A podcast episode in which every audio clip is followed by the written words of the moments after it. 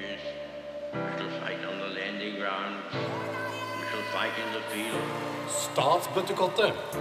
Mer demokrati, this mer åpenhet og mer Statsbøttekottet. Hei og velkommen til Statsbøttekottets pensumpod i Pol 1001 med professor Torbjørn Knutsen. Jeg er Maria. Og jeg er Anie, eh, og dette er fire deler, én av fire deler i eh, pensumpod i politisk teori. Det kommer også en egen pensopod i politisk atferd, eh, og nærmere mot eksamen i OPA så kommer det også egen episode der. Og det er viktig å nevne at uh, pensumpodden her er jo ikke en eh, erstatning for lesing av pensum, men heller et supplement som dere kan høre på, på vei til vårt kjære Dragvoll. Ja, god dag, Knutsen. God dag, god dag. Nå skal vi snakke om kontraktteoriene og kritikk av dem. Ja. Så et naturlig første spørsmål vil da være hva er det egentlig kontraktteorien er og baserer seg på? Um, kort sagt så er det vel en tanke om at staten er menneskelaget. Altså at stat, både stat og samfunn er kunstige ting som menneskene har laget selv. Og, og i dette så ligger det jo et brudd med denne gamle antikke tanken om at staten er naturlig. Og også brudd med den kristne tanken om at staten er gitt av Gud. Så her er det menneskene selv som har skapt staten. Og sammen med denne forestillingen da, så kommer det naturlig en tanke om at det må finnes en tilstand før staten ble til. Eh, En naturtilstand som, eh, eh, som de snakker om. Og så må det også være en tanke om at det må finnes en slags overgang da, mellom denne naturtilstanden og så dette samfunnet som er ordnet av en, av en stat. Og hva er denne overgangen? Jo, der, der er det, det er kontrakten. Altså denne tanken om at menneskene går sammen, de syns at denne naturtilstanden, det, er, det kan vi ikke ha. Eh, Så vi må gjøre et eller annet for å skape større orden, og så går de sammen, og så lager de en kontrakt som alle skriver under på, og alle er enige om å adlyde den kontrakten. Lovene må holdes.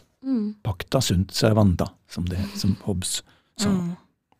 Noen av de kjente kontraktteoretikerne, er Locke og Hobbes, ehm, og for så vidt også Rousseau, eh, hvordan skiller deres eh, kontraktteori seg fra tidligere filosofer som eksempel Platon og Aristoteles? Um, ja, for det første, ja, jeg vil si at kanskje den viktigste forskjellen mellom antikken og disse moderne kontaktfilosofene, det er tanken om at individet har rettigheter. Fordi at naturtilstanden er jo definert som eh, en tilstand hvor alle mennesket, alle har rett til alt. Så, så her ligger det en tanke om at mennesker har rett til ting, og i naturtilstanden så har de rett til alt. Og så må Dette er, dette er eh, uh, først og fremst Thomas Hobbes, da. Og så og, og i Hobbes Det er vel den enkleste modellen for, eh, for kontraktteoriene. I Hobbes' argument så er det slik at menneskene må oppgi denne rettigheten til alt. Det vil si, de må oppgi en del rettigheter, og disse rettighetene som de oppgir, de investerer de i en høyere autoritet, så, som da får disse rettighetene. Så vi sitter igjen med en del rettigheter, men de virkelig store rettighetene er det denne autoriteten som sitter igjen med, og han må adlydes. De er levi, Leviatan, Leviathan. Han har rett til alt. Bortsett fra, han kan ikke ta liv. Nei, det er jo for så vidt bra. Ja, det er fint. Ja. Um, men han får lov til å ta liv dersom individer bryter kontrakten. Så kan dødsstraff være den ultimate straffen. Locke, da, hva tenker han om det? Ja, han har jo en helt annen eh, naturtilstand. Menneskene har rett til eh, har naturlige rettigheter til liv, eh, frihet og eiendom. Frihet er en rettighet for ham, altså. Frihet er noe som mennesket er gitt i kraft av å være menneske. Rett til selvoppholdelse, var det også en del av det? Absolutt retten til selvoppholdelse. Eh, Det ligger vel i retten til liv, tenker jeg. Mm. Eh, Av retten til å beskytte seg selv og verne seg selv. Og, ja. Betyr det akkurat det samme? For det stusser jeg litt på da jeg skrev semesteroppgave, nemlig. Retten til liv og retten til selvoppholdelse. Nei, det betyr kanskje ikke helt det samme. Nei, jeg vil si at det, at det betyr stort sett det samme. Altså at når man førstenes har fått et liv, så har man rett til å beskytte det så godt man kan. Men eiendom, eh, det blir jo nevnt av eh, andre kontraktteoretikere, men de skiller kanskje definisjonen av å ha rett til eiendom? Hvis jeg husker det riktig. Altså, for Thomas Hobb så har du rett til alt. mm. Og, og da skapes for sett og vis eiendom i kontrakten. For det betyr at du har ikke rett til alt, Mm. men du har rett til noen ting. Men hos Lock, eh, hvis jeg husker riktig, så, så har man en naturlig rett til eiendom. Men man har rett til denne eiendommen bare hvis man under bestemte betingelser, eksempel hvis man blander sitt arbeid med ting, så får man rett til den tingen. Hvis det er naturlig eierfritt. Eksempel, Hvis det er naturlig eierfritt, ja. Ja.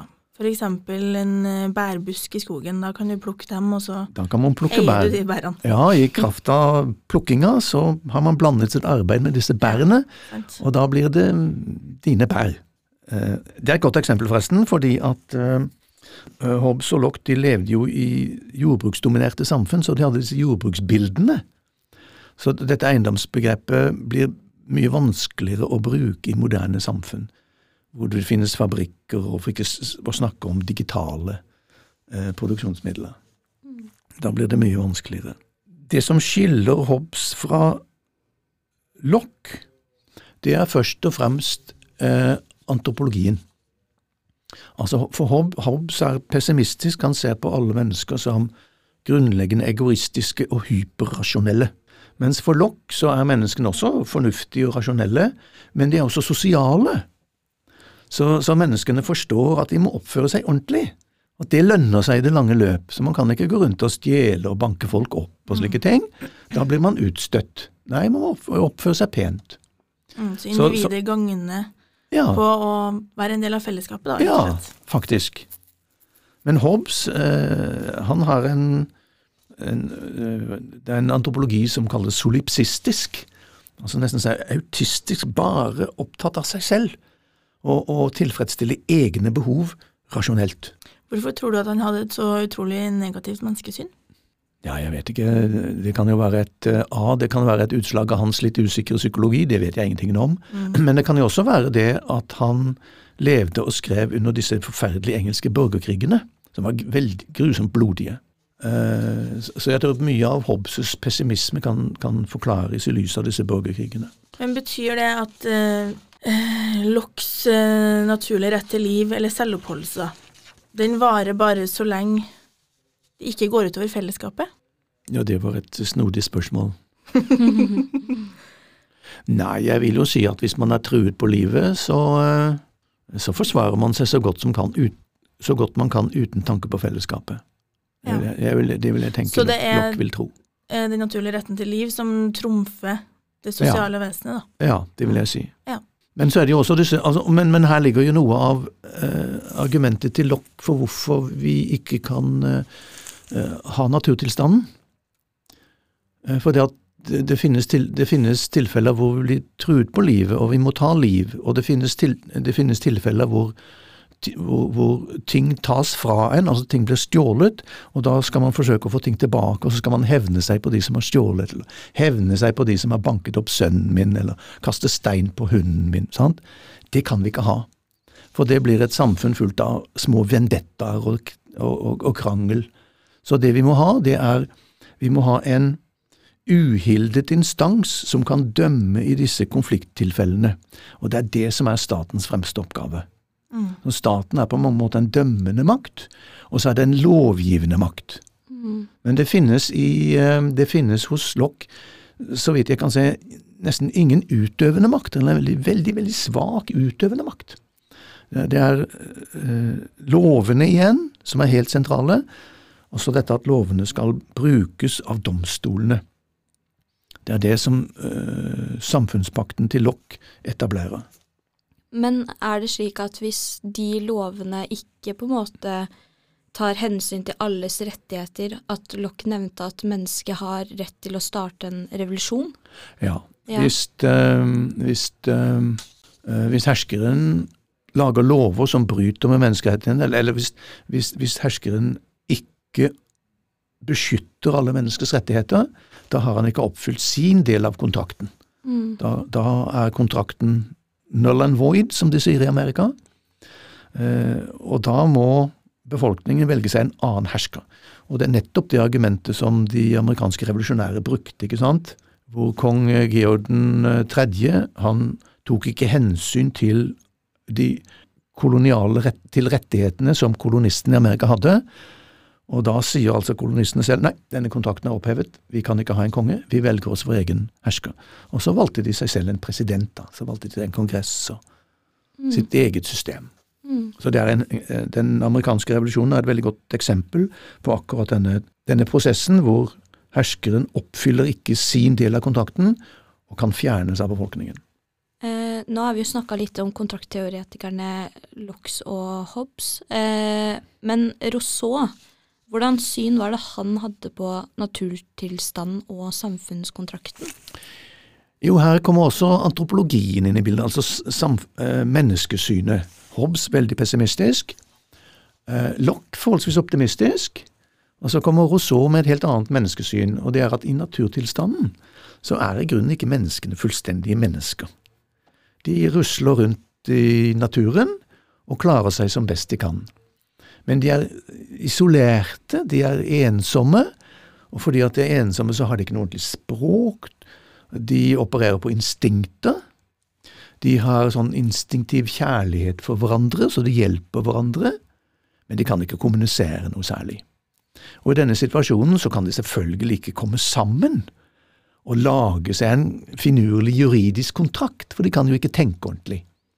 Sånn at samfunnet er ikke et produkt av en kontrakt, men samfunnet er et produkt av en økonomisk lang, eh, sakte utvikling, hvor menneskene si, finner, eh, finner måter å klare seg på, produsere mat på, eh, inngår byttehandler på, altså de som bor i fjellene, de bytter kjøtt mot de som bor ved kysten, bytter kjøtt mot fisk for de som bor øh, ved kysten, og så er det noen som er flinke til å flytte kurver og lage sko, så?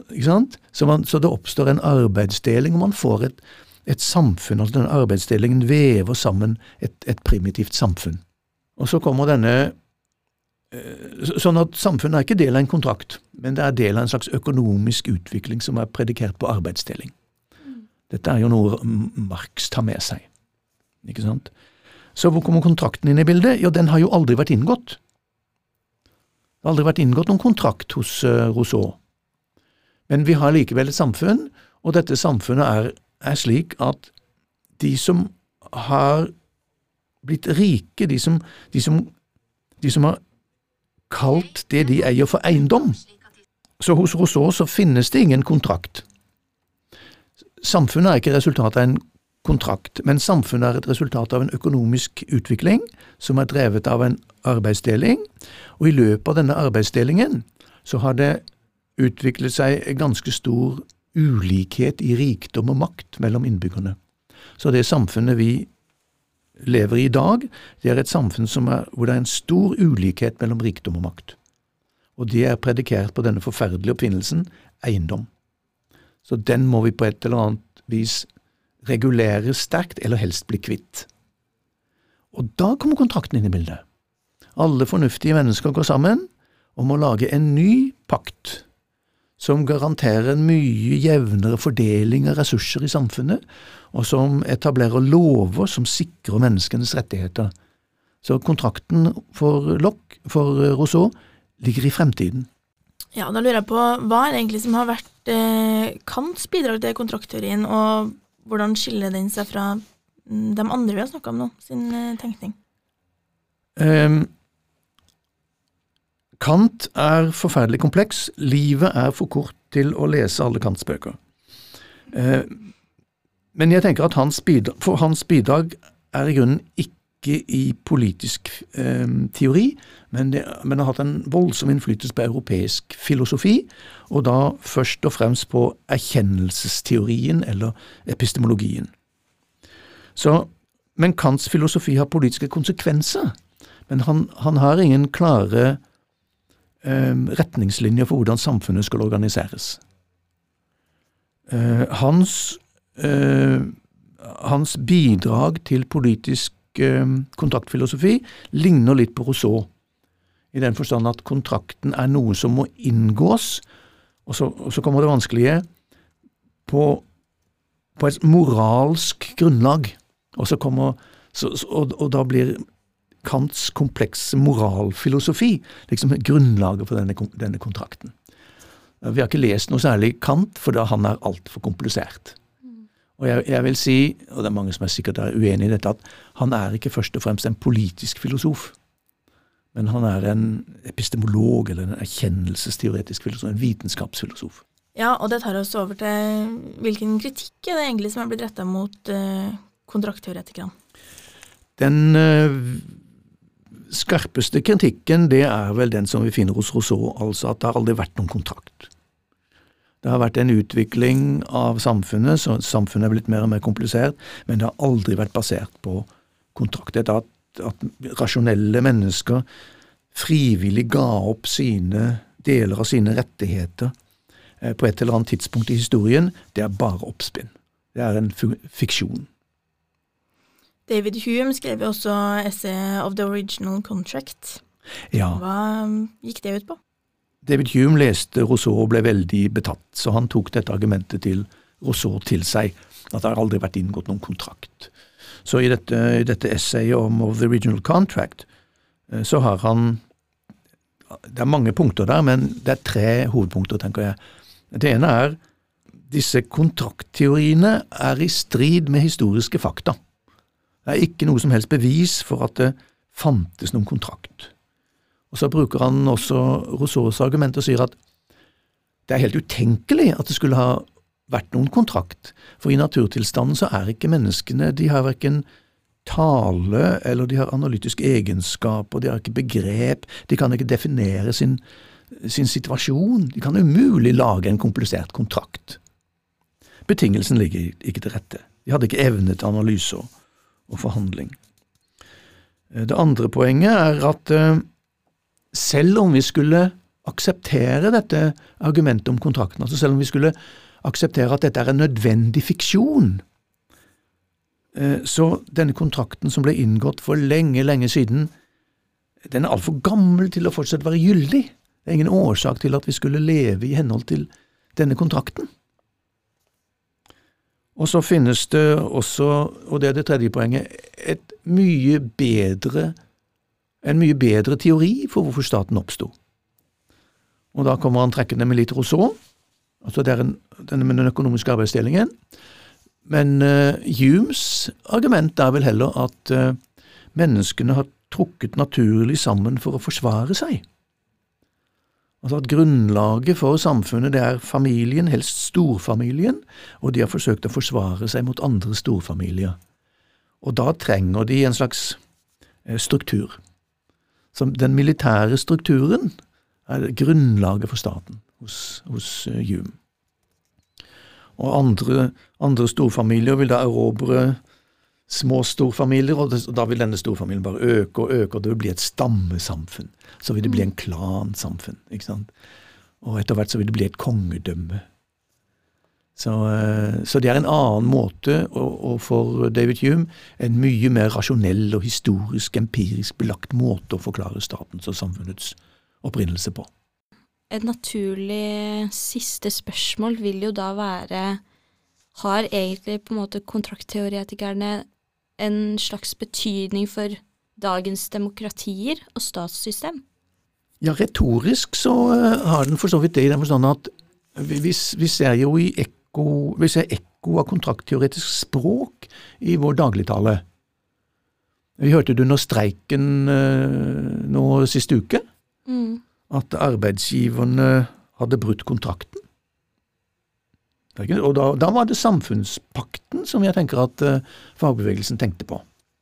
Så vi, og, og, og, og vi snakker også i, i forbindelse med disse eh, aksjonene på Fosta. Eh, så er det jo snakk om at denne, denne kontrakten som ble inngått med, med samene om å bygge vindmøller på Frosta, eh, den ble eh, overtrådt. Så den er ugyldig. Mm. Så de anket gjennom rettssystemet, og Høyesterett ga de rett. da, ikke sant? Men har denne visjonen om kontrakt noen praktisk teori? No, noen, praktisk politisk konsekvens? Nei, ikke bortsett fra at den, den, ligger, altså, den ligger nedleiret i, eh, i liberalismens politiske forestillingsverden. Og da fungerer den ikke. ikke? Det er et av poengene til Fukuyama i The End of History, at denne kontraktteorien er bare tull, så vi må finne en annen måte å forklare eh, å forklare samfunnets og statens opprinnelse på. Og da kommer han i, i The End of History så kommer han trekkende med Hegel, som har en mye bedre forklaring. Og det, er, det går litt på denne Humes kamp. Men i de aller siste bøkene så har han en, en litt annen teori, som, som er antropologisk, som går på denne, nat, denne naturlige denne sammensveisingen av naturlige familier og storfamilier gjennom blodsbånd og ytelser mellom folk man kan stole på. Og det er en ganske eh, Jeg mener at det er noe av det viktigste Fukuyama har skrevet, for implikasjonene er ganske store. Implikasjonene er at eh, samfunnet er veldig kunstig, og at hvis man gir f.eks. næringslivsledere større frihet i økonomien, så vil disse naturlige denne naturlige dynamikken om å beskytte sine egne slå inn, og da vil samfunnet veldig hurt, hurtig bli korrupt. Takk for at dere hørte på denne episoden av Pensum oppsummering. Vi håper dere har fått like mye ut av det her som det vi har, og lykke til på eksamen.